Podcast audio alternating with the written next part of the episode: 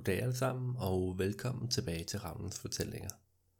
I dag vil jeg fortælle jer en improviseret historie, så sæt jer til rette, find en kop kaffe eller te, eller måske en sodavand frem, og lyt med. Der var engang en drage. Det var ikke nogen stor drage, men alligevel så var det en vaskeægte drage med vinger, med skæld og med ildspydende ånde. Men denne drage, den var træt af den verden, hvor den boede. I mange år så havde den levet blandt andre drager, men langsomt var de en efter en blevet jagtet og dræbt. Nu vil dragen flyve væk, finde et sted, hvor den kunne bo i ro og fred, uden at blive jagtet af monsterjægere. Så den fløj afsted, fløj ud over havet, ud over det endeløse hav. Der var blot så langt øjet rækte, men det var fint nok, for den ville bare væk, langt, langt væk fra det krigshavede land. Med tunge vingeslag så fløj den afsted, igennem solskin og regn, og den fløj i rigtig mange dage. Først en enkelt dag, så endnu en, så en uge, så to. Ja, det var svært at holde styr på, hvor lang tid den fløj, for der gik ikke lang tid før intet land var i sigte, og det bare var et hav af blåt. Drager kan flyve i meget lang tid, men alligevel så blev den dog til sidst træt og mør. Den følte, den snart ikke ville kunne bære sin krop mere med dens vinger. Den havde brug for et sted at hvile. Måske bare, bare en ø. Det behøvede ikke at være et land. Bare en lille ø. Eller noget flydende, den kunne lande på og slappe af et øjeblik. Den kiggede ned og holdt øje med vandstanden for at se, om den fandt noget. Men det gjorde den ikke i rigtig lang tid. Men til sidst så lagde den mærke til, at der var noget, der havde ændret sig. Det var sådan om vandet ikke var helt så dybt, som det var før. Sådan om havbunden var kommet tættere på, nærmere. Det var mærkeligt, for der var ikke noget land i sigte. Måske var det en ø. En ø, der lige akkurat var dækket af vandoverfladen. Det fortsatte i lang tid, og dragen kunne se, at bunden hele tiden kom nærmere. Nærmere og nærmere. Til sidst så ude i horisonten kunne den ane noget, der lignede en sandbanke. Var det land? Var det en ø? Da den nåede derhen og landte, kunne den endelig slappe af, hvile sine vinger. Dens klør sank dybt, dybt ned i det våde sand, og de gik op for dem, at dette ikke var en strand. Det her var havbunden. Havbunden, der var eksponeret til luften. Den vendte sig om at kigge ud over havet, lad dragen mærke til, at det virkede som om vandet var blevet skubbet væk fra en eller anden usynlig kraft, og det i virkeligheden var derfor, den nu kunne stå og hvile sig på havbunden. Uanset hvad, så var det i hvert fald rart for den at slappe af i vingerne, og dragen gik stille og roligt afsted, mens den strækte sig, mens den ømmede sig, og hvert skridt den tog, så sank den en lille smule dybere ned i sandet. Nogle steder var det ren sandbund, andre steder havde det været mudder, og han prøvede at undgå mudderet, for mudderet var klistret, ulækkert, det var nærmest umuligt at komme op, når først den havde sat en klo i. I flere dage så gik dragen igennem sandet, slappede af, lagde mærke til, at der rundt omkring lå små fisk, som om fiskene var blevet efterladt, da havet havde trukket sig tilbage. Den spiste nogle af fiskene og fik sig derigennem et tiltrængt måltid, og så vandrede den ellers videre. Dag og nat, solskin og måneskin gik dragen afsted. Og efter at have gået igennem sandet i lang tid, så så den pludselig noget, noget langt, langt, langt væk. Noget den kunne ane i det fjerne. Det var noget, der nærmest lignede et stort træ. Et træ herude midt i havet. Det var mærkeligt. Dragen gik afsted, travede afsted, lundede, begyndte nærmest at løbe, fordi det her det var for spændende. Hvad var det? Var det et sted, den kunne være? Et sted, den kunne bo? Den løb så hurtigt afsted, at den slet ikke lagde mærke til, hvordan havbundet ændrede sig, blev tørre, som om den langsomt kom op på land et sted, hvor vandet aldrig havde været før. Da den nåede hen til stammen af træet, så kiggede den op og så, at det var fuldstændig enormt. Bagud var havet nu blot et fjernt minde, og højt, højt oppe i trækronerne var der noget, der lyste. Noget spændende, noget mageløst. Dragen havde jo vinger, så den satte af og fløj op i luften, målrettet mod trækronerne. Men det var ikke gået op for den, at træet var så højt, at da den nåede op, op i de højere luftlag, så blev luften så tynd, at dragen langsomt ikke kunne få vejret, og sådan om det blev hårdere og baske med vingerne, og på et tidspunkt, så gik dragen ud som et lys. Den besvimede og styrtede mod jorden, og ramte ned og knuste sine vinger mod sandbunden. Dragen vidste ikke, hvor lang tid den havde været slået ud. Hvor lang tid var der gået, siden den var faldet? Var det minutter? Timer? Dage? Det gjorde i hvert fald ondt over det hele. Den prøvede at rejse sig på sine fire ben, skreg den af smerte, for dens vinger var brækket flere steder. De kunne ikke bruges mere, den kunne ikke flyve. Så stod den her ved foden af træet, stadig betaget af det, nærmest som var den inviteret til at kravle op, og den kæmpede sig hen til stammen, satte sin klo i. Den prøvede at kravle lidt op ad stammen, men den kunne ikke få sig selv til det. Den gav slip efter kun få tag, for det gjorde simpelthen så ondt med de vinger, der hang og dinglede bag ved den. Au, au, au. Vingerne var ubrugelige, og dragen havde set det ske før på andre. Den vidste, at de aldrig nogensinde ville gro helt sammen igen. Au, Au, au.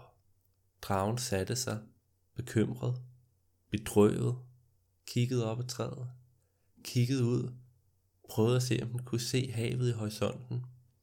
Men det var væk, og den vidste ikke, om det var fordi, den havde bevæget sig så langt væk fra det, eller om havet selv havde forsvundet. Hvad skulle den gøre? Den kiggede på sin ene vinge. Den kiggede på sin anden vinge. Og så tog den en drastisk og voldsom beslutning. Den bed fat i den ene vinge, og skønt det gjorde ondt, den havde lyst til at skrige af smerte, og blodet fyldte dens mund. Så rev den og flåede den, indtil vingen faldt af. Så tog den og gjorde det samme med den anden vinge, og det gjorde bestemt ikke mindre ondt. Så sprøjtede den lidt ild for at lukke sårene. Og skønt sårene var lukket, og blodet ikke længere flød, så gik der mange dage, før den var kommet så oven på chokket, på smerten. Men da den var kommet det, så rejste den sig op på bagbenene, strækte sine arme ud, greb fat i træets bark, mærkede, mærkede efter den styrke. Den kunne holde fast, den kunne kravle. Den kunne ikke flyve, men det havde den aldrig ville kunne igen alligevel. Så den kravlede op, klo her, pote der, den brugte alle sine lemmer, og den brugte sin hale til at holde fast i grene, sine kraftige kæber til at bide fat og trække sig længere op. Og den kravlede op af dette kæmpe store, dette mystiske og spændende og indbydende træ. Den huskede at holde pause undervejs. Få et hvil, få vejret. Hver gang hun kunne, så lagde den sig på en af de store grene og slappede af mærkede efter sin krop, hvornår den var klar til at kravle videre. Hvad den troede ville have været så simpelt som at flyve op til toppen, blev en mange måneder lang kamp, hvor den til sidst kun kunne kravle få meter om dagen, fordi luften var blevet så tynd, og den var blevet så udmattet. Men til sidst, efter lang, lang tid kamp, så nåede den op til trækronerne. Og her i trækronerne, inde i midten, hvor alle de store, kæmpe store grene i toppen, hvor alle hendes blade, herfra i midten, der var lyset. Lyset, der havde fanget dragen, betaget den, og lyset, det kom fra et lille æg. Det var utroligt så meget lys kunne komme fra sådan et lille æg, og dragen kravlede tættere på, udmattet og træt, og undersøgte ægget. Hvad var det for et æg? Det lignede nærmest, det var lavet af guld. Men var det lavet af guld? Den mærkede efter, lyttede. Det lød som om, der var noget indeni. Som om der var noget levende. Men hvordan kunne et æg lavet guld være levende? Dragen lagde sig ned ved siden af ægget og faldt i søvn. Den sov i flere dage, for den var træt, og da den vågnede, så var ægget der stadigvæk. Det var som om, der ikke var noget, der havde ændret sig, som om tiden ikke var gået, som om det ikke var blevet dag eller nat. Vejret var i hvert fald det samme. Den var højt over skyerne, og den kiggede ud. Nedenunder kunne den se de hvide puder af vanddamp over det hele. Hvad var det for et æg? Den lagde sig ned igen, lyttede, kiggede og ventede. Og ventede og ventede. Og den lagde mærke til, at jo mere den ventede, jo trættere blev den. At være omkring dette mærkelige æg gjorde den træt. Og dragen sov mere og mere for hver dag, der gik. Sov, sov, sov. Men det var sådan om, hver gang den sov, så havde den en drøm. Så lærte den noget nyt. Dragen blev klogere. Den drømte, den så det land, den var kommet fra. Den drømte, den så sin rejse, men den så også, hvordan træet var groet, inden den overhovedet var begyndt på turen. Dragen så og drømte om alt, der var, og vide om hele dens verden, om alle folk, om alting. ting. Den drømte, hvordan folket var begyndt for mange år siden at jage dragerne, hvem der havde gjort det først, hvordan dragerne havde kæmpet, havde flygtet, var blevet jagtet. Den drømte om, var det fremtiden? Det var svært at sige, det var ikke noget, den var sikker på var sket, eller også var det bare muligheder, muligheder for, hvordan tingene kunne være. Den drømte, at den blev her. Den drømte, at den passede på ægget. Men uanset hvad den drømte, så fik den ikke noget svar på, hvad det var for en æg. Og den blev ikke bare klogere, den fik også idéer. Og på et tidspunkt så gik det op for dragen, ved at være her, kunne det være, at den måske kunne hjælpe de andre drager. Den måske kunne prøve at stoppe jagten. Den måske kunne prøve at stoppe krigene. Måske kunne den blive en, en visdommens drage. Så den drømte år ud og år ind, indtil den vidste så meget, at den kunne begive sig afsted på sin lange, lange rejse tilbage til landet, hjælpe dem, der havde brug for det. For den vidste, hvem den skulle tale med. Den vidste, hvem der havde sympati for dragerne, og den vidste, hvor den skulle undgå at gå hen. Så den kravlede ned ad træet. Det tog lige så lang tid at kravle ned, som det havde taget at komme op i det. Forsigtigt, stille og roligt kravlede den ned.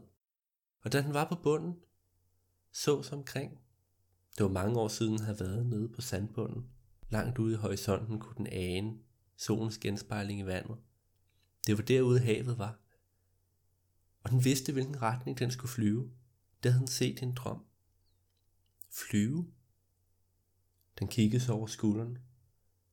Den havde slet ikke tænkt på at flyve i alle de år. Og det var gået op for den. Langsomt var vingerne vokset ud igen.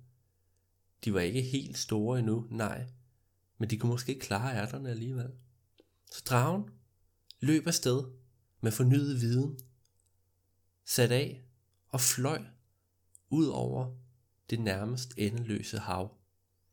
Lige indtil den nåede tilbage til landet, til den gamle verden. Lige indtil den nåede hen til de drager, der stadig blev jagtet.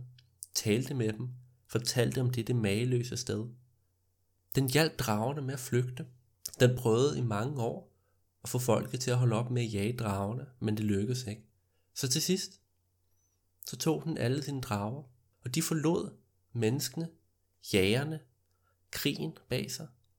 Og så fløj de afsted, ud over havet, hen til dette kæmpe store træ, og til det mystiske æg. Og her der fløj dragen op. Den vidste, hvordan den skulle undgå at knuse sine vinger igen, og landede op på toppen, og bad de andre blive ved bunden.